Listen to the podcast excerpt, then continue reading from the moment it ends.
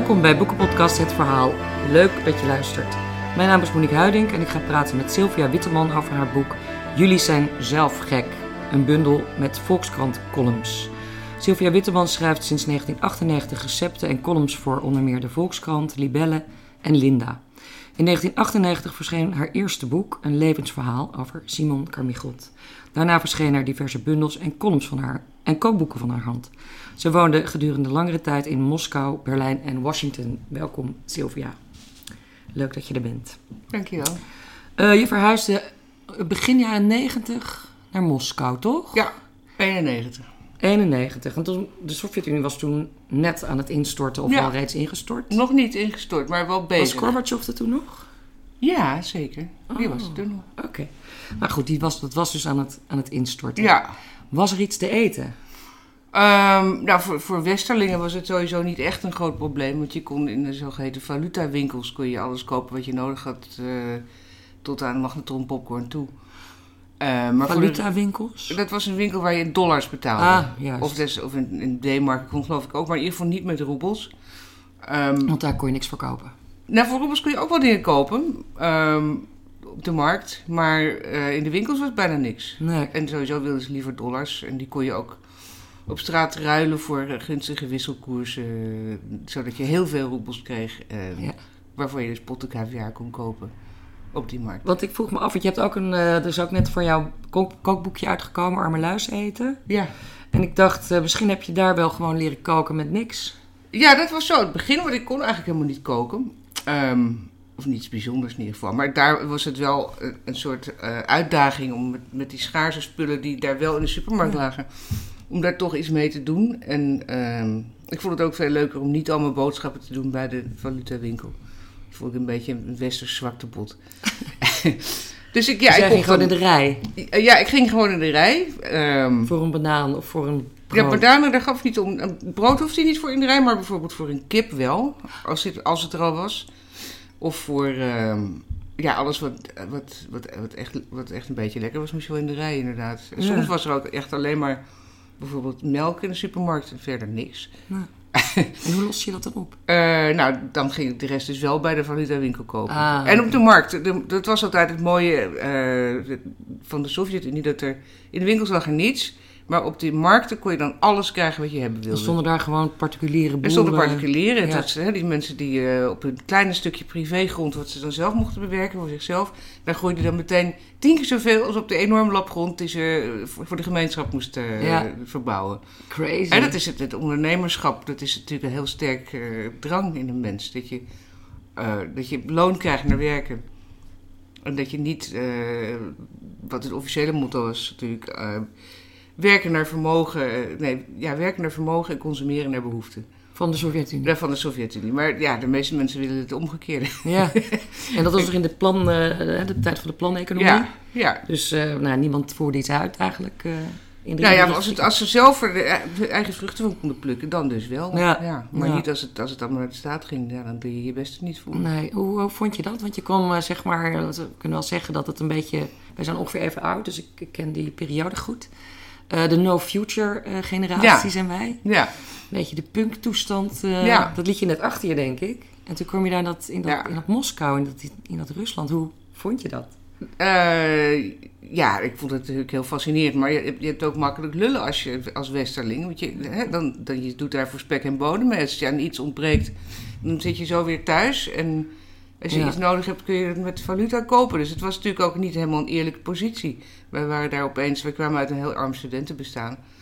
En eh, opeens waren we daar schat helemaal rijk. Ja, oh, dat was ook raar. hè? Ja, dat was, we hadden een chauffeur, we hadden een huishoudster, we hadden een secretaresse. Ach, En wij waren net 25. En wij kwamen inderdaad uit een ranzig studentenbestaan. En ja.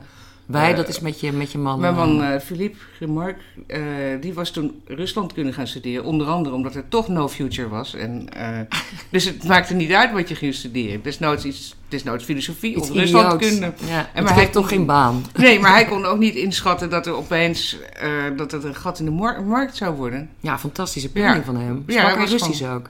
Ja, hij sprak al Russisch. Ik heb het toen daar geleerd. Ehm, dat was nog niet zo heel eenvoudig, maar Nee, want het is ook een heel ander schrift, hè? Je- je ja, nou, dat schrift is het probleem niet. Dat leer je in één dag. Maar Oh.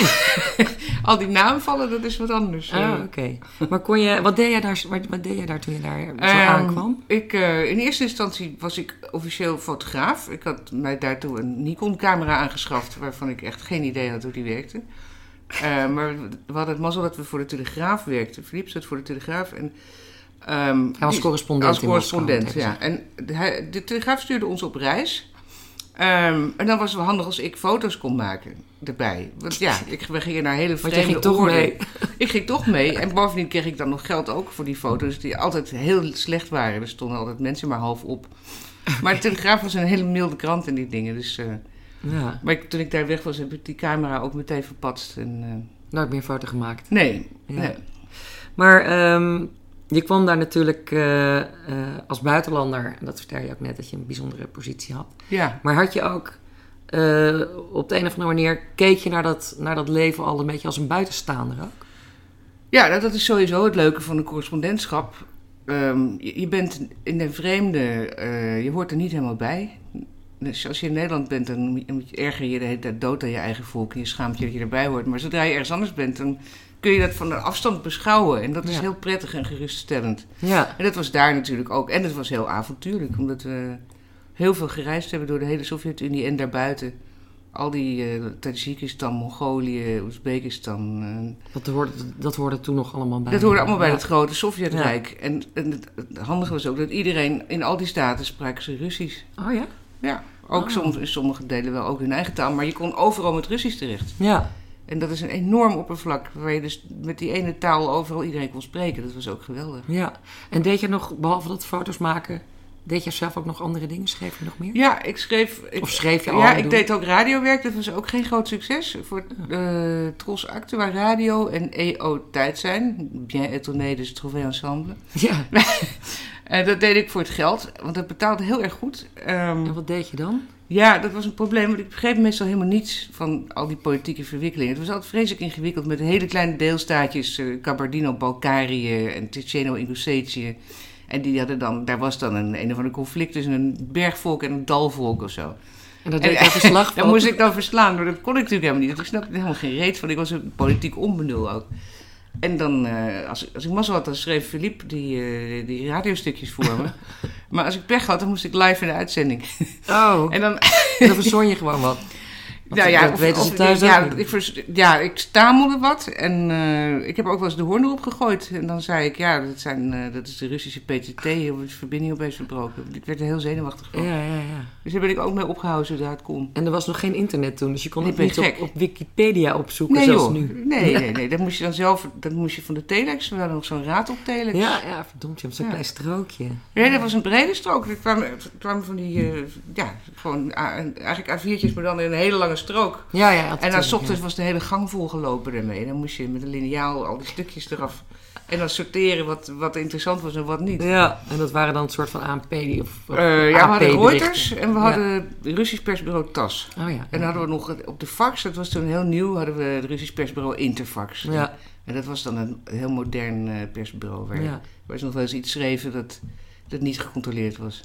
En dan had je tenminste nog eens een keer iets origineels als Ja. onderwerp. Eh, Soms, ja. Ben je bevriend geraakt met, eh met Russen in die Ja. tijd? Ja?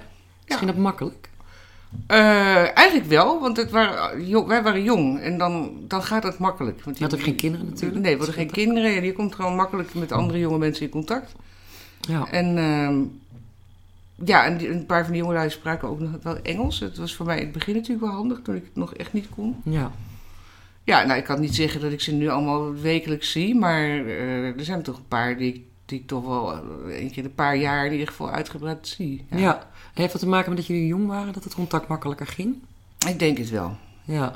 Want Maar later ja. heb je natuurlijk dan nog een keer dezelfde soort situaties meegemaakt met Duitsers en Amerikanen. Ja, nou dat ging eigenlijk ook prima. Want als je kleine kinderen hebt, dan, dan gaat Ja, het ook vanzelf. Ja. Hè? Dan gaat het via de kinderen. Ja, dat Dus we hebben eigenlijk altijd een handige, handige manier gehad daarvoor. Heb jij het gevoel dat... eh, ik, ik sprak laatst eh, Pieter Waterdrinker over zijn eh, roman eh Tchaikovsky Straat 40. Ja. En hij zei. Russen zijn eigenlijk Italianen. Wat vind jij van die stelling? Ehm, Maar dan zonder het lekkere eten. nou, ze maken wel, vaak... Ja, ze hebben wel diezelfde stemmingswisselingen. En, Dat pathos. Ja, dat, dat, ja, maar het is toch wel ook heel anders. Alleen kan ik niet helemaal uitleggen. Nou, Pieter heeft eigenlijk altijd gelijk in deze dingen. Hij zit er geloof ik al 30 jaar. Maar hij, of denk jij, vond jij, of had je de indruk dat, dat, Russen, dat, dat Rusland of Moskou eigenlijk ook een beetje Europees is? Dat je bij Nou, Europa hoort? Nee, nee, het is echt een soort hybride tussen Azië en Europa. Oh, toch Dat- ja, zeker in Moskou wel al. En zeker als je nog verder naar het oosten gaat natuurlijk. eh. Maar eh, Petersburg is natuurlijk tamelijk Europees. Oh, en daar woont hij natuurlijk het grootste Hij woont daar nu, ja. Maar Moskou eh, en Petersburg zijn heel verschillend hoor. Ja. ja, dat is wel best. Ik ben nooit in Rusland geweest, helaas. Eh, dus ik heb geen idee. Maar ik ben er al alleen van de 25 foto's. jaar niet geweest. Oh ja, dat is natuurlijk ook alweer een... Ja. Het is weer heel anders nu. Ja. Ehm, even over Simon Carmichelt. Jij, schreef dat, jij schreef een boek over zijn levensloop. Ehm, wat heb jij, toen, heb jij toen iets nieuws ontdekt eh, over hem wat je nog niet wist? Ehm, eh, ja, een- hij was met een of ander oud vrouwtje, had hij ooit een verhouding gehad. eh Jeanne Roos, als je dat nog wat zegt. Ja, goede Dat heeft zij mij verteld. Annie M. G. Smit. Ja, daar heeft hij het nooit mee gedaan. Maar schijnt... hartstikke goede vriendin van ja, Ja. ja, ja, precies. Daar ging hij wel... Ik geloof dat hij met Annie Smit... dat ze elkaar op een bepaald moment zo gingen ergeren... dat ze, als ze samen naar een lezing moesten... dat ze allebei in een andere coupé gingen zitten. maar met, met Jeanne Roos heeft dus een verhouding gehad. Ja, dat zegt niemand meer wat. En maar, met eh, Renate en met Renate. Rubinstein natuurlijk. Ja, dat was echt, dat dat was echt een groot schandaal. na zijn dood, hè? kwam dat pas uit. Dat kwam toen pas uit. Na dat heeft zij dood misschien. eh, ja, zij was, zij was dood. En Camille's vrouw was ook dood. En toen is dat boek pas verschenen. Ja, Ja. Waarom, eh, waarom vind je hem zo goed? Ja, dit is echt een onmogelijke vraag. Ja. Laat ik het zo zeggen, wat, leer, wat heb je van hem geleerd? Alles. Oh, nou, Ja, ik heb alles aan hem te danken. Ja? Ik, schrijf, ik, schrijf- ja, ik schrijf ook columns. Ik schrijf ook geen romans. Onder andere omdat hij er wel een heeft geschreven die totaal mislukt was. Oh, een gewaarschuwd mens. Ja, precies. Ja. Nee, en ik heb alles aan hem te danken. Ik heb die boekjes als kind al... Kijk, we hadden natuurlijk als kind ook geen internet. En eh, dus was ik aan de boekenkast van mijn ouders... eh, moest ik daarvan hebben. En als alles wat eruit was aan kinderboeken... dan greep ik dus naar de grote mensenboeken... als die er een beetje vrolijk uitzagen. En dat zagen die bundeltjes, want daar zat vaak een tekeningetje op. Van Ja. een poes bijvoorbeeld. Ah, en Ja. dan denk je nou, Toen dan dacht ga nou, ik dat gaat lezen. over dieren. En eh, toen ben ik daarin begonnen en dat, dat vond ik heel erg leuk. En toen ben ik daarna alle boekjes van die man gaan, gaan lezen. En had je toen al meteen... Op waar werd je verliefd op dan, zeg maar? Op zijn stijl of op zijn verhaaltje, anekdotes? Eh, ja, op, op de manier waarop hij het deed ook. Dat hij, dat hij altijd als eh, toeschouwer in het verhaal stond en niet als hoofdpersoon. ja, Dat dat heeft me altijd ook. erg aangetrokken. Eh, Ja. En ja, dat doe ik zelf ook het liefst. Ik bemoei me ook liever niet mee. Als ik in een situatie ben, dan kijk ik ook liever, luister, dan, dan dat ik die mensen ga ondervragen. Ja, Wat mijn man altijd deed toen hij nog journalist was. ja. de anti-journalist eigenlijk. Nee, ik ben eigenlijk anti-journalist, Nee, ja. observeren, dat kan even goed. eh, Jawel, dat kan wel, maar dan kom je natuurlijk vaak niet tot, tot de kern van de zaak. Dan blijft het toch vaak heel raadselachtig wat je ziet ervoort. En dat kan ook heel leuk zijn. Denk je dat er sprake is van een me- methode Witteman? Dus hoe jij, zeg maar, heb jij een idee over zo werk ik altijd? Nou, ja, het is eigenlijk heel simpel. Ehm, ik, ik breng nogal wat tijd op straat door en in openbare ruimtes. En daar hoor en zie ik van alles. Ja. Eh dan tik ik vaak wat steekwoorden op in mijn iPhone. En vaak maak ik ook een fotootje van de situatie. Dan kan ik daarna makkelijk die mensen opschrijven.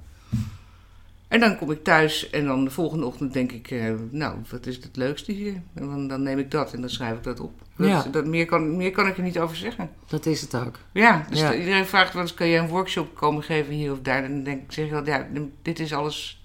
Meer is het niet. Nee, maar goed, het is ook, ik vind dat ook een, dat is toch dan ook leuk om te weten.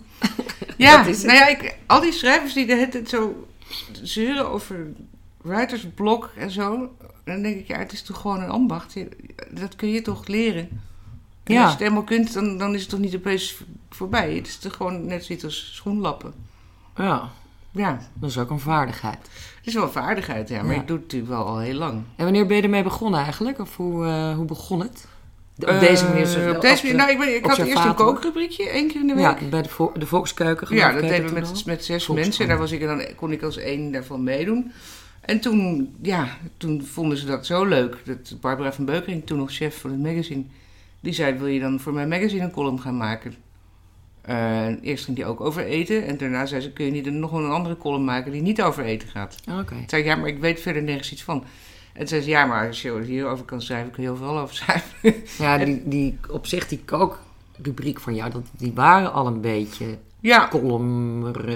Maar ja, en ik kreeg toen nog op mijn kop van uh, adjunct ho- hoofdredacteur van de Volkskrant, Jan Tromp was dat toen, onder Pieter Broertjes. Die zei, eh, je moet ermee uitscheiden met die eh, columnistiek, het is een kookrubriek. Oh, echt? Ja. Oh, die ergerde zich daaraan. ja, die vond het vervelend. En toen zei ik, ja, nou, volgens mij vinden mensen het heel leuk. En dat was ook zo. Ja. Maar hij vond het toen niet goed. Oh, en wat heb je toen gedaan? Ik, ik heb toen een paar weken heb ik er wat meer over eten gedaan en daarna ben ik stiekem toch weer... Dan las ze toch van niet ja. Want op een gegeven moment ga jij eh, van Moskou naar Berlijn verhuizen. ja, tussendoor heb ik in Amsterdam gewoond. Daar is mijn eerste kind geboren. Oh, oké. Oh, nog even tussendoor. Ja, Hoe lang? Eh, ik ben in 96 teruggekomen uit Moskou en ik geloof dat we in 99 naar Berlijn zijn Oh, nog bijna drie jaar Ja. dus. Oké, want ik vroeg me af of dat een enorme overgang was van Moskou naar Berlijn. Maar er zit gewoon Amsterdam tussen dus. Ja, er zat gewoon Amsterdam, Ja. eh, Tweede Helmerstraat zat ertussen. Dus Ah. eh, ja, en Berlijn is natuurlijk sowieso veel Europeeser. Dat, het, is ook heel leuk om te wonen, zeker met kleine kinderen. Want de kinderopvang is heel goed, en bijna gratis. En, Oh ja. is- Had je, toen je terugkwam in Amsterdam eh, naar Moskou het idee dat Nederland veranderd was? Ehm, We spreken nu over eind 20e eeuw. Nou, in die, in die vijf jaar, ik heb niet sterk het gevoel gehad, maar ik ben tussendoor natuurlijk, ik ging drie, vier keer per jaar naar huis, naar, Ja. Amsterdam. Maar goed, je leefde echt in Moskou. Ja, ik heb wel hele stukken. Ja, ik leefde echt in Moskou. Ik heb wel echt hele, hele televisieseries waar andere mensen nog steeds dierbaar over spreken. Heb ik, ik heb bijvoorbeeld nooit Friends gezien. Oh, ja. Ik weet niet of je daar nou iets Ik weet niet of ik iets gemist heb. Ik heb het wel eens geprobeerd te kijken en dacht ik, wat is dit is ontzettend flauw. Ja, het is heel flauw. Ja. Ja. Ik vond het ook niet zoveel aan. Ehm, maar goed, toen ging je naar Berlijn. Toen had je inmiddels wel één of twee Eén kinderen? kindje had ik toen. Ja. Van bijna één. En was de- dat is natuurlijk anders dan wanneer je gewoon met z'n tweeën bent. eh, Ja, nou, wij elkaar. werkten allebei thuis. Eh, en zoals ik al zei, de kinderopvang was daar heel goed en bijna gratis. En, Ja. ehm, dus dat was helemaal geen enkel probleem. Als de ene even echt iets moest werken, dan kon de ander een beetje oppassen. En, Ja. En andersom. En had je daar had je makkelijk contact met mensen die in Berlijn wonen, met Duitsers? Heel makkelijk. want Berlijners zijn heel erg aardig. Oké. Eh, ja, Berlijn is natuurlijk weer heel anders dan de rest van Duitsland. Net zoals New York anders is dan de rest van Amerika. Ja.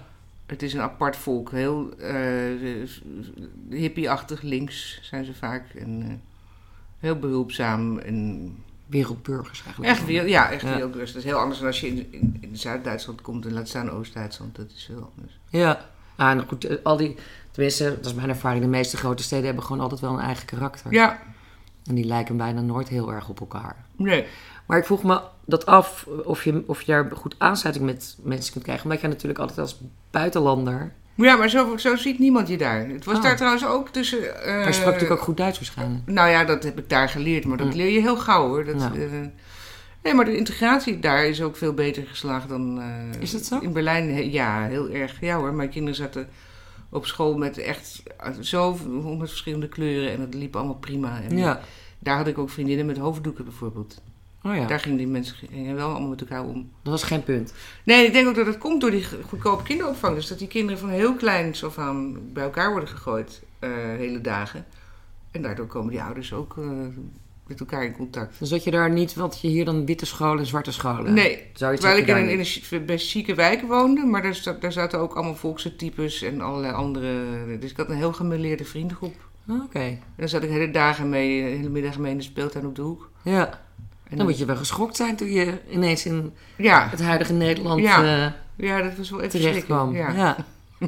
dus het is wel Nederlands ook, die, eh, dat idee van... Nou ja, eh, ik heb altijd gezegd, ik zeg al jaren, als je kinderopvang in Nederland heel, heel goedkoop en heel goed maakt, dan, dan brengt iedereen zijn kind hier ook vanaf één jaar naar de opvang. Ja. En dan, dan is de integratie veel sneller voor elkaar natuurlijk. En dan leren ze ook gewoon meteen de taal. Ze leren meteen de taal en eh, ze leren van elkaar. En Ja, het lijkt mij in alle opzichten het beste. ja. Ehm, toen ging je weer terug naar Nederland, naar Den Haag. Ja, En ehm, dan, hè, dan ben je eigenlijk al een paar keer best lang in het buitenland geweest. ja. Moet je op een gegeven moment jezelf aanpassen aan Nederland? Is dat nodig? Als je dit zo vertelt over Berlijn van die integratie bijvoorbeeld. Nou, Dat je, dat je jezelf een buitenlander voelt in eigen land. ja, heel eventjes. Elke keer heel even als ik terugkwam, moest je heel even wennen. Bijvoorbeeld dat je in de supermarkt zelf je boodschappen in een tas moet doen... in plaats van dat een ander dat voor je doet. Of dat je je auto nergens kunt parkeren. Ah, praktische dingen. Hele kleine Ja. dingen, maar, maar verder niet hoor. Nee. Nee. Ah, ja, oké. Ehm, in, eh, in de bundel eh, Jullie zijn zelf gek. Eh, daar, staat, daar staan best wel veel columns in die spelen zich af in het buitenland. Die in, dan ben je op even een korte vakantie ergens, Ja, dergelijke. Eh, mis je het, eh, dat wonen in het buitenland? ja, ik wil heel graag weer weg. Ja? Ja, maar ja, mijn jongste is pas 13. Dus die moet nog vijf jaar. Oh ja. Want je wil dat hij hier op school gaat. Ja, die zitten nog op, die, mijn twee zoons zitten nog op school. Mijn dochter studeert al, maar de jongens moeten nog een paar jaar. Maar was je dan ook expres teruggekomen naar Nederland voor school? Nou, een beetje. Het was ook weer zijn teruggekomen omdat eh, mijn man hoofdredacteur van de Volkskrant kon worden. En dat wilde hij graag. Ja. En toen was onze oudste net 12. En die vond het niet zo heel leuk op de Amerikaanse middle school. Oh. Dus toen dachten we, nou dat komt wel goed uit. Dan gaan we nu naar Nederland. Dan kan ze meteen naar de eerste klas eh, Van de, van de middelbare school Ja. in, in Nederland. Oh, oké. En ehm, dat, zo is het ook gegaan. Ja. Maar goed, over een paar jaar kunnen we weer weg. Want jullie gingen dus naar, nog naar Washington. En toen Ja, had je wel drie kinderen ja, inmiddels. In de Ja. leeftijd van eh, tot en met twaalf dus. ja. Wat Ja. vonden die kinderen ervan van steeds uh, Nou ja, die kunnen zich in feite eh, kunnen die zich alleen nog Amerika herinneren. Met mijn dochtertje was zes toen we uit Berlijn weggingen. Dat weet daar bijna niks meer van. Nee. En Amerika vonden ze geweldig leuk natuurlijk, want we hebben daar ook heel veel gereisd en we hadden daar eindelijk een keer een tuin. En eh, ja, Ja. heel veel mooie natuur daar. En eh, ze hadden een, een, luchtdruk, een luchtbux, dat heb je hier ook niet. Wapenvrijheid. Oh, natuurlijk. Ja. Ja, zij vonden dat geweldig, maar ze vonden het ook heel leuk om terug te gaan. Kinderen zijn heel erg flexibel. Ja. Iedereen die jou wijs maakt dat, dat, dat je het voor de kinderen moet laten, die is gek echt. ja. Dat is geen enkel probleem. We hebben ze ook nooit je- op internationale school gedaan. Gewoon altijd hoppakee naar het plaatselijke ja. Schooltje. Maar nu besluit je wel om in Nederland te blijven, dus voor, die, voor de opleiding. Ja, want ze zijn, ja, je kunt, als, als ze eenmaal tieners zijn, is het heel lullig om ze, om ze weer te verplaatsen hoor. Vanwege een vriendschap Die ook. vriendschappen en ja, ze zitten op een heel goede school. En dat, dat zou ik gewoon asociaal vinden. En het is nog maar een paar jaar. Als ik 56 ben, dan, dan zijn ze van school en dan kan ik weg. Ja. Je schrijft ook veel over je gezinsleden. Was dat een, op een gegeven moment een, een bewuste keuze of ging het automatisch? Dat ging automatisch, want ik had natuurlijk eh, als, als jonge moeder had ik een vrij beperkte actieradius. en ehm, ja, bovendien dacht ik, het is, het is voor heel veel mensen herkenbaar wat, wat er met die kinderen gebeurt. Ja, dat is waar. Ja, en, er- en er was toen, in, het- in die tijd was het nog gebruikelijk om vrij zoetelijk over je kinderen te schrijven. En dat heb ik dus niet gedaan. Nee. Dus ik, deed, ik schreef gewoon alles echt op zoals het echt ging. Nou, daar heb, daar heb ik later heel veel navolging in ge- gekregen. Zoveel dat ik nu wel eens denk, ja, nu weten we het wel. Dat je je kinderen achter het behang plakt terwijl je zelf wijn zit te drinken. Dat is echt wel een cliché geworden. Dus dat zou ik niet zo gauw meer doen. Ah, oké. Maar ik begrijp uit je columns ook dat je, eh, of ik heb dat ergens gelezen in ieder geval, dat je, dat ze, nu je kinderen wat groter zijn, dat niet goed vinden dat je over ze schrijft. Nee, ik moet afkopen. Ja, ja dat, de, de jongste is 13 en die kan ik afkopen met een emmer Kentucky Fried Chicken. Dat, vindt hij heel, dat vindt hij heel lekker. Nou goed, dan geef ik hem 20 euro en ik, dat, dat haal ik er makkelijk uit. Als ik zo, als ik, dan kan ik vaak een heel leuk stukje. Dat doe ik maar af en toe. Ik schrijf niet zoveel meer over mijn kinderen hoor. Denk- Zijn ze wel eens boos op je geworden? ja, ja, wat dacht je? Ja, dan, dan horen ze dat op school van een, van een Ach. leraar, weet je wel, die het gelezen heeft. Oh, echt? Die zegt dan, wat lees ik? En dan krijg, dan krijg ik thuis een enorme sodemieter. Heb, heb je, vertel je het niet aan ze als je het doet? Nee, nee, liever niet. Ik hoop altijd dat, dat, ze er niet achter dat ze niet achter komen. Ja, daar komen ze natuurlijk wel achter. Maar ja, nee, het meeste kan ik dus echt niet vertellen. Ik, Nee. dat- ik heb zoveel geschitterende verhalen, maar dat kan ik echt, dat kan pas over een paar jaar. eh, En heb, lezen ze ook wel eens terug eh, in, in oudere bundels of je, om te checken of je over ze geschreven nee, hebt? ze Wie- lezen het niet. Mijn kinderen lezen het niet. Ja, mijn dochter wel, maar Oh ja. die, die, eh, die is het huis al uit. En de jongens lezen echt alleen een cornflakespak. Nou ja. Dat is heel jammer. Ze zitten op het gymnasium, maar ze lezen nooit wat. Maar je krijgt dus niet dat ze met een boek staan van mama, ik lees hier wat je nee, het want over me ze, hebt ze geschreven toen ik drie was. geen boek open. Echt, oké. Je hebt geen idee hoe erg het is. Dat, dat is wel veilig dan, toch? Anders krijg je Ja, dat misschien nog wel. veel meer op je kop. Maar het is wat tragisch ook. Ehm, toen je in Amerika was, dat was tijdens eh, Obama. Ja, Was er toen ook al sprake van eh, het fenomeen dat nu ons land overspoelt, de identity politics? Merkte je daar toen al iets van in Amerika? Want het komt uit Amerika, dat eh, Nou, fenomeen. Ja, ik merkte er niet zo heel veel van. Ik zat hier zelf in zo'n groen buitenwijkje van Washington... waar echt alleen maar hele correcte linkse mensen woonden. Ehm meeste trouwens blank of wit, moet je zeggen. Het waren allemaal mensen zoals ik eigenlijk. Dus het ging daar nooit zo over. Nee. Omdat je Omdat in een allemaal... bubbel zat. Ja, ik zat wel heel erg in een bubbel. Dat waren heel rijke, nou, of heel rijke mensen. Het is daar zo, je moet naar school in de buurt waar je, waar je woont. Ehm, tenzij, dat je naar, tenzij je naar privéschool wil. Privéschool is ongelooflijk duur. Hm. Dus wij zijn dan maar in godsnaam in een, in een vrij rijke buurt gaan wonen. Zodat ze gratis naar school konden. Ah, Dan betaal je wat meer voor je huis, maar dan... eh, Oh, dat dan- is het Dat systeem. was de truc, ja. geestig zeg. Dus die hele school zat allemaal vol, met allemaal van die ja, ja, nette mensen. Die witte... En heel veel diplomaten, Kindjes. kinderen. Dus iedereen was daar ook gewend aan buitenlanders en alle kleuren. En... Ja. Dus Oh, dat wel. Ja, er allerlei. Ja. Wel kleurig gelukkig. ja, en er werd ook nog uit de binnenstad werd elke dag een, een, bus met zwarte kinderen aangevoerd vanuit een ghetto om naar de nette school te gaan. Dus dat Oh. deden ze ook wel weer. Ja. En er zat in elke klas een, een, een geestelijk gehandicapt kind. Dus Nou. er werd heel veel gedaan aan. aan, aan Juist eh, wel, goed- dus goed eh, doen. ja. goede spreiding Ja. en, eh, van allerlei... En juist uit de bubbel. Dat, ja, Nieuwe bubbels. Ja, wij zaten in die bubbel. Er kwam af en toe iemand binnen met een schoolbus. En die ging dan smiddags weer uit hoor. Ja, nee, maar ik Ja. bedoel voor die kinderen op school. Ja, dat was allemaal weer. Ah, er was zoveel eh, goede werkende. eh, Zoveel caritas. Elke dag weer inzamelingen, dit en dat. En, Ja, maar dat hele politiek correct, daar heb ik dus niet zoveel van meegekregen. Omdat er, was geen, was geen er probleem. werden geen woorden aan vuil gemaakt. Ja. Dus het, eh, het zou kunnen, maar je weet niet zeker Het is of daar toen wel al begonnen, ja. Dat denk ik is wel wel. begonnen, hè, Ja. toen. Ja, volgens mij ook. Ehm, je schrijft eh, in deze bundel en in een column over dat je je schoonmaakster tegenkomt. Je, je voormalige schoonmaakster. Ja, dat je vergeten bent hoe ze heet. Ja, dat is Tot je, erg. grote, tot je grote nervositeit. En dan, eh, dan schrijf je over jezelf dat je je vaak heel erg westers voelt. En dan zeker op zo'n moment. Ja, En dan zeg je, het schaamrood stond op mijn domme, dikke neocoloniale wangen. Omdat je die naam niet meer weet. ja, maar dat is, ja, dat is ook wel erg. Er zijn, dat zijn meisjes van de Filipijnen en ik heb er echt zoveel gehad al. Ja. Want die komen dan voor een half jaar, voor een jaar en dan gaan ze weer weg. Maar wat, ik, eh, wat natuurlijk heel erg eh, jouw eh, manier van schrijven ook is, is het bijvoeglijk naamwoord en, de, en Ja. de overdrijving. Ehm, en je schrijft op een gegeven moment ook eh, dat het noodzakelijk is, dat, je, dat er een noodzaak is tot goede taalbeheersing. Ja, Dat schrijf je eigenlijk over je nou ja, kinderen. ik, ik hou heel erg van goede taalbeheersing. ja, Ik vind dat als je jezelf wilt eh, uitdrukken precies wat je denkt, dan moet je een goede taalbeheersing hebben. Want anders krijg je niet uit- uit je geest naar buiten wat je, wat je denkt. ja, want wat vind je van de stelling dat slordig formuleren eigenlijk slordig denken is? Nou, dat hoeft niet altijd zo te zijn. Er zijn natuurlijk ook mensen die nou eenmaal niet zo handig zijn daarin. En ik denk dat het.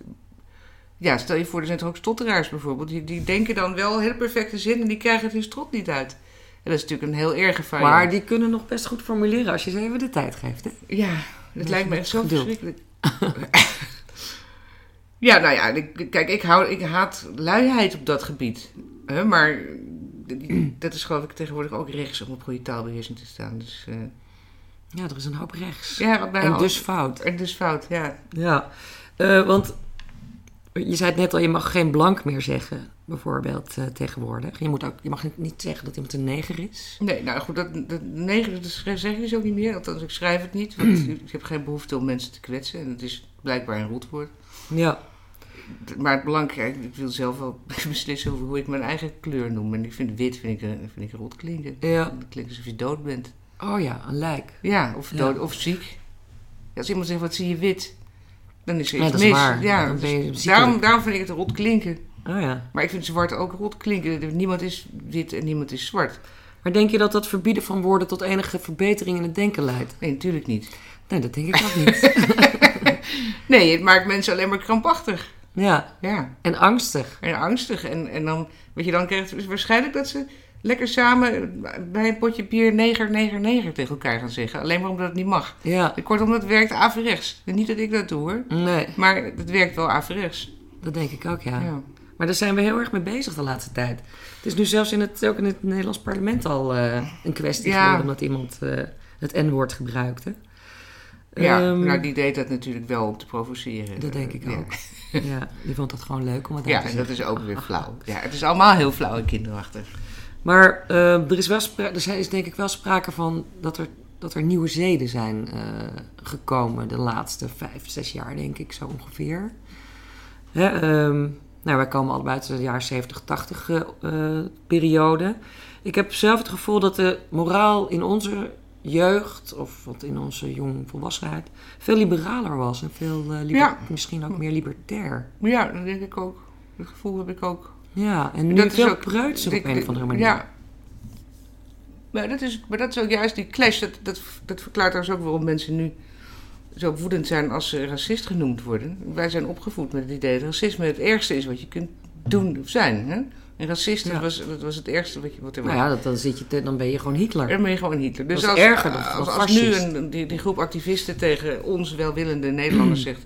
in feite zijn jullie allemaal racisten...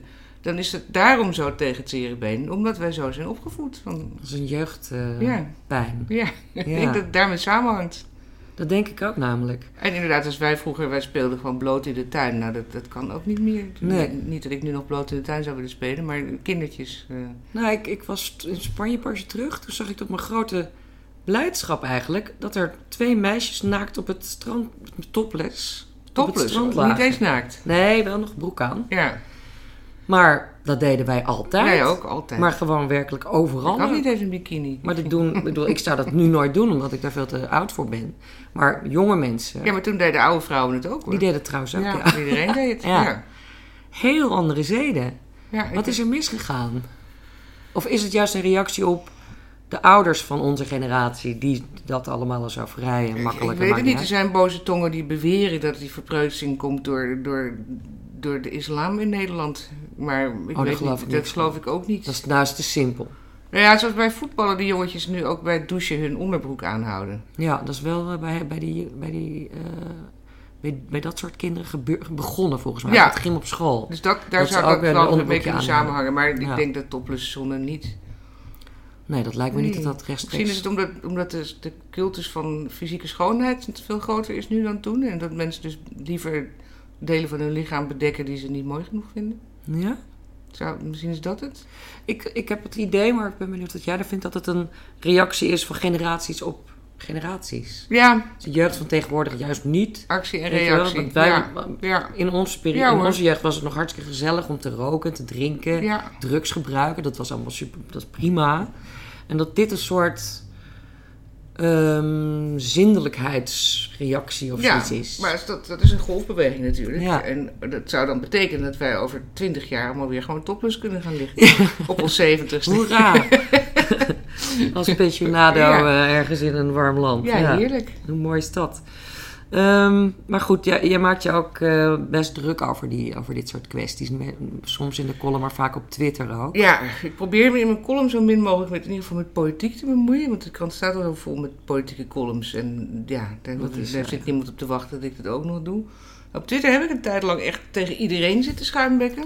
Ja, Maar daar werd ik helemaal gek van. En dan moest ik echt met, met grote glazen vodka dampend eh, afgevoerd worden. op een Oh. raakt je zo geëmotioneerd? Ja, ja ik heb zo'n hekel aan, aan domheid en onrecht. Ja, dat klinkt een beetje wee, maar ik kan er gewoon niet tegen. Ja, Maar uiteindelijk zei mijn hele gezin van... Jezus, hou op zeg, doe normaal. Het is maar Twitter. Het is maar een heel klein deel van Nederland dat er überhaupt mee te maken heeft. ja. En dan zit jij nog vooral tegen die excessieve gekken te schreeuwen. Die eigenlijk helemaal geen enkele invloed hebben. En Meestal trollen. Die één Meestal trollen, hebben. ja, ook dat. En, wat, en wat ze ook tegen mij zeiden, het gaat om de Randstad en daar dan een heel klein deel van. In het grootste deel van Nederland maakt helemaal niemand zich druk over of je wit of blank moet zeggen, of de kleur van Zwarte Piet. Of, Ja, dat, dat- ik, ja, dat weet ik niet zeker of dat zo is. Dat is nu weer... Iedereen probeert steeds een verklaring te zoeken van hoe... Wat gaat er nou toch mis in onze zo schattige, nee, nu heb je geweldige weer die kloof tussen de... Dus tussen de- kloof, ja. ja. nu is het weer een kloof, dat zou ook weer overdreven Ik zijn. geloof dat niet zo, eh, dat dat zo is, eerlijk gezegd.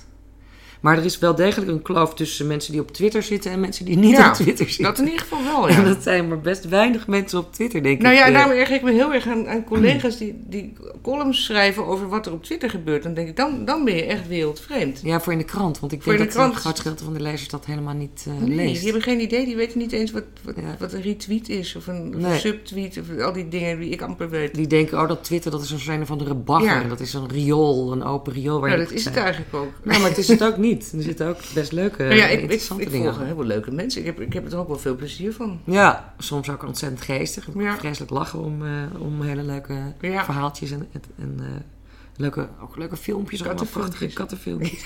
Hartstikke gaaf. Ehm, als je nu naar je, naar je eigen eh, kinderen kijkt, ehm, heb je het gevoel dat zij, want dat is dan weer die volgende generatie die ons weer naakt op het strand laat liggen, als het goed Ik is. hoop het. Nu niet Ehm, in ieder geval. Zijn die, zijn die bezig met identiteitspolitiek? Houden die zich met dit soort dingen bezig? Misschien meer iets voor je dochter? Eh, die mijn dochter ouder. wel. Ehm, die, is heel, die is best heel erg politiek correct. Terwijl ze, ja, dan denk ik... Je hebt makkelijk lullen, stomme millennial in je eigen universiteitsbubbeltje met je nette meisjesstudietje. Want zij nou ja, zij heeft natuurlijk zelf nooit iets te maken met onrecht. Of, eh, hè, zij is Ja. veel beschermd opgegroeid. En, eh, en zij vindt bijvoorbeeld... Kijk, als ik een vrouw in een, in een burka zie en, en dan zeg ik... God, het arme mens. Dan wordt ze kwaad op mij. Dan zegt ze, dat is misschien wel omdat ze het zelf wil. En dan zeg ik, ja, nou, al wil ze het zelf, dan is het nog zielig. Ja, En dan, dat soort dingen, daar clashen we wel eens want dat is, wel- dat is volgens mij ook steeds het probleem.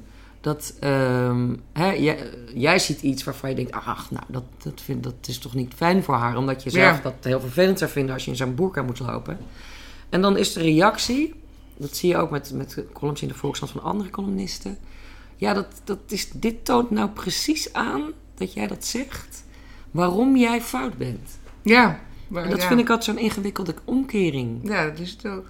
En dat denk ik ook eh, altijd. Ja, zo, zo kan je iedereen wel eh, continu beschuldigen van. eh, Ja, bij alles wat iemand zegt, zeg- zeggen dat zeg je alleen fout. maar omdat... Ja. ja, altijd verkeerd. Nou ja, daar word ik dus gefrustreerd van en woedend. Ja, maar dat heeft ook. Ik heb zelf. eh, daar ben ik daar ook bang voor. Weet je, of ik maak me er een beetje zorgen over.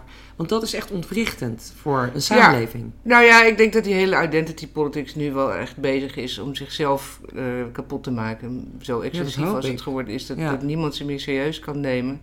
Ik was er ook bang voor een paar jaar geleden, maar nu denk ik, ach, dat gaat echt over. Ja? Dat is, ze zijn zo gek. Ik denk dat het nu. Misschien dat het nu op de spits. eh, ik denk dat het op de spits gedreven wordt en dat het, dan, dat, dat het dan echt instort. Ja, In ieder geval die excessief, je doet iets van identiteitspolitiek. Natuurlijk, er zit ook wel een kern in van iets bruikbaars, maar meer theoretisch bruikbaar dan praktisch, zoals zij, zoals zij het het willen doen. ja. Ik denk dat daar eh, aan die excessen wel een eind komt. Ja. Ja, want het begint nu een beetje qua Zwarte Piet ook. eh, ik heb zoiets van: straks gaat iemand toch een keer eh, schieten. Ja, dat kan ook. Of met een Kan. hooivork. Dat Of- kan allemaal, ja. Dat, begint nu echt vervelend te worden. Nou ja, en elk jaar, het is echt, nou elk jaar, ik word er steeds zieker van, dat gezuur. Ja, En gelukkig, mijn kinderen geloven al lang niet meer, maar als je een kind van vijf hebt, dan, dan is het echt heel vervelend. ja. Want die, eh, die moet je nog vertellen dat Sinterklaas ook niet bestaat. Ik denk De dat ik van pure ellende meteen maar zou zeggen... jongens, er is helemaal niks van waar. Nee, ben je er maar vanaf? dan ben je er ook van. Nou ja, ze hebben het altijd over Zwarte Piet, maar Sinterklaas is natuurlijk de echte boosdoener. Ja, hij is een slavendrijver. hij is een en hij is bovendien een oude witte man. En hij bestaat niet. Maar dat dat bestaat is niet de eerste, Net als God. de eerste keer eh, dat je van je geloof valt. eh, Ja. Dat is met, met Sinterklaas. En dat is natuurlijk uiterst pijnlijk. En dan, Ja, eh, ik weet dan, volgt God, ja. Ja, Kun je je nog herinneren hoe het was? ik weet het nog wel, ja. Dat je, dat je gekwetst was? Ik geloof dat mijn moeder het in de zomer verteld heeft. Dan komt het, dan komt het minder hard aan. Nee, dat heb ik bij, mijn, bij een van mijn kinderen ook gedaan. Dan kun je nog een half jaar wennen. Ja, Ja, ja, dat- ja. dat is veel beter dan als je het vlak voor, voor 5 december zegt... sorry jongens, by the way, hij is nep. ja. Ja, dat is natuurlijk een trauma. Maar als ze maar een cadeautje krijgen, volgens mij is dat het enige wat... eh, Nou, nee hoor. nee? Het gaat best diep. Echt? Hm, Nou, dat is een soort godsbesef wat je opeens Ja. kwijtraakt. Daar hoor je dus niemand over. Weet je hoe schadelijk dat is voor de psyche van kleine kinderen? Zo vreed. Ja, Bovendien, in, in mijn jeugd kreeg je gewoon pak slaag van Zwarte Piet. ja, dat heb ik geloof ik... Kreeg je met de roe. Ja, toen ik klein was, was die roe al apocrief hoor. Ja? Ja, wij, wij waren niet bang. Oh, ik kan me dat nog wel herinneren dat ik echt dacht, eh, oeh, als ik maar niet met de roe krijg. Ze gooide kaart snoep tegen je aan. Ja, dat was eng. Heel gemeen. Dat weet ik nog wel. Dat was zo Nou, ja. eng. Ja. Ik vond dat- sowieso die pieten heel eng. Ja, ontzettend Sinterklaas eng. ook? Sinterklaas. Want dan ging je in de zak en dan moest je mee naar Spanje. Ja, maar ik vond ze gewoon heel eng eruit zien. Ze waren ook altijd dronken. Maar daar kwam je dan later pas achter. Ja, die pietjes met die vrouwenstemmetjes. Dat vond ik ook eng. Dat waren natuurlijk vaak meisjes. Ja. Maar die Piet heeft eigenlijk ook een hele evolutie doorgemaakt. Mede ook door onze generatie. Dat wij zoiets hadden van ja, kom on, eh, we gaan niet meer die kinderen bang maken met, Ja, eh, met die het roe. zo'n zo'n wee... eh, nu is het zo'n softe zwarte ja. Zo'n clowntje, ja. En daar denk ik zijn de, de huidige Piet-lovers... die willen daar niet van af, van het vriendelijke Pietje. Ja, dat begrijp ik wel. Maar goed, dat kun je ook blauw maken, ja. Ja, dat, eh, eh, dat, dit maakt die kinderen geen flikker uit. Het enige probleem is natuurlijk... eh, Het zwarte gezicht, dan, dan herken je niet dat het, als het de buurjongen is. Hè? Nee, je bent echt dat, vermomd. dat probleem heb je met die roetvegen natuurlijk wel, dat, je, dat Ja. iemand zichtbaar is. Maar goed, misschien kan je iets blauws of zo. Maakt mij verder niet uit. Ja, het is echt inderdaad gewoon praktisch Ja, dat je is- gewoon- dat is dat je denkt, ja. hallo, hij bestaat dus helemaal niet, wat raar. Net als je Of ik die baard afdoet. Oh, de Sinterklaas woont al jaren naast ons. Ja, Dan gaan ja, we er elke dag heen voor de cadeaus. Ja, mooi is dat. Ehm, zoek jij nog even nog één eh, laatste vraag over, over de manier waarop je, waarop je werkt? Eh, ik heb het gevoel dat je altijd dat je, dat je als een buitenstaander naar een scène kijkt of naar een, Ja, iets wat er gebeurt, wat zich voor je Ja. trekt. Ehm, wanneer had je het gevoel dat je dat echt helemaal perfect beheerste? Dat buitensta dat nou nooit. Ik heb nooit het gevoel dat ik iets perfect beheers. Je hebt vast een ontwikkeling daarin doorgemaakt.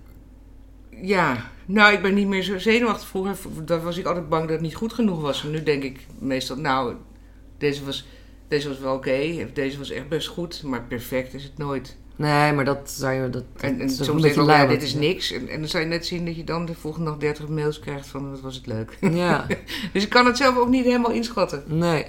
Het is ook echt wel moeilijk. Je moet het altijd weer van de ander eigenlijk horen, hè? Grappig Nou ja, dat. het is natuurlijk best een eenzaam vak.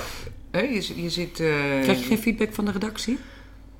Eigenlijk niet. Ah. Nee, alleen van, de, van het meisje van de boekenrubriek wel. Maar de dagkrant die geeft nooit een reactie. Dus ja, ik zit dat in mijn eentje te maken. Ik stuur het in mijn eentje op. En dan, dan is de eerste reactie die ik krijg is van de lezers. Ah, oké. En wel, mijn mailadres staat eronder. Dus Ja. eh, dat krijg ik dan wel. Maar goed, ze kunnen daar bij de krant ook niet aan beginnen, toch? Eh, Het is ook geen kleuterschool. Ik hoef echt geen sticker in mijn schrift of zo. Nee, natuurlijk niet. Je doet het ook al heel jaren. Ja, dat is al wel raar zijn als je zegt, nou... Ik vind, ik vind het ook vanzelfsprekend dat je je vak goed beheerst. Ja. eh, dat, als ik, zie, ik lees wel eens columnisten waarvan ik denk... jongen, jongen, jongen. Echt, waarom heeft hij een plaats in deze krant? Ja, dat heb ik ook wel eens bij columnisten. En er zijn er ook zoveel. Ja, Ja, en dan denk ik, dan, dan kun je er beter een paar uitgooien die niet zo goed zijn. en die wel goed zijn, een paar dagen vaker laten schrijven. Ja, hoewel iemand die elke dag moet, vind ik ook niet altijd... Het loopt bijna altijd verkeerd af. Jij bent drie keer in de week, hè? Ja, dat is echt wel, dat is eigenlijk wel fijn. Maar bijvoorbeeld Martin Bril moest elke dag en dan was het toch gewoon twee keer in de Grimberg ook? Ja, en dan is het twee keer in de week niet goed. Vaak. Ja, ja. Je moet- Hoe verklaar je dat? Ja, je, je hebt nou helemaal niet elke dag iets perfects. Ja, Nee. en drie keer, twee, drie keer in de week, dat red je vaak wel. Ja, bij Carmichael was het ook, die moest ook elke dag. Maar Ja, Die columns die niet zo goed waren, die zijn nooit in die boekjes terechtgekomen. Dus die dat doe jij niet. natuurlijk ook niet. Nee, nee nou, ze halen alleen die dingen eruit die te veel eh, met de actualiteit samenhangen. Oké. De rest komt geloof ik bijna allemaal erin. Oh ja. Ja, die boekjes moeten ook vol. Ja, Move the product. dat is waar. Ja. Ehm, loop je, omdat je dus zegt drie keer in de week is maximum, ben je toch elke dag aan het kijken of je ergens een verhaaltje ziet? ja, want ik moet ook nog... Ik doe niet alleen de, de Volkskrant. Oh nee, tuurlijk. Nee, ik doe bijvoorbeeld ook de Libel. Ja. Want de schoorsteen moet ook roken. En dan nog wel eens een snappeltje hier of daar. Dus ik maak in, in principe vijf keer per week één. Dus je doet het eigenlijk, je Maar dat zijn, verschillende, tegen. ja, nee, maar dat zijn verschillende genres. Hè? Wat ik voor de Volkskrant doe, dat zijn twee columns. één column over boeken ook nog. En dan wordt voor de Libel dus weer iets heel anders. Dat is een soort dagboekachtig ding. Oh, oké. En wat ik voor de Linda doe, is dan ook weer anders. Dus als je, zolang je verschillende genres beoefent, kan het wel. Ja. Maar, maar vijf keer dezelfde? Nou, dat, dat lijkt mij moeilijk om dat leuk te houden. Ja. Maar goed, er zijn stellig mensen die het kunnen. Ehm, je bent altijd zo goed als je laatste column. Ja, Zo vreed is het ook zo vreed is het zeker. Ja, en ik ben ook niet in vaste dienst. Dus als ze me zat zijn, kunnen ze me zo uitgooien. Ja, dat is wel best wel gevaarlijk eigenlijk. eh. Link. Ja, Oké, nou laten we hopen dat ze dat niet doen. Eh dankjewel voor dit gesprek. graag gedaan. Ik sprak met Sylvia Witteman over haar bundel Jullie zijn zelf gek en ook een beetje over haar kookboek Armeluis eten. Je kunt uh, je op deze boekenpodcast abonneren via iTunes, Soundcloud en Stitcher. En je kunt deze in eigen beheer gemaakte podcast ook financieel steunen met een donatie.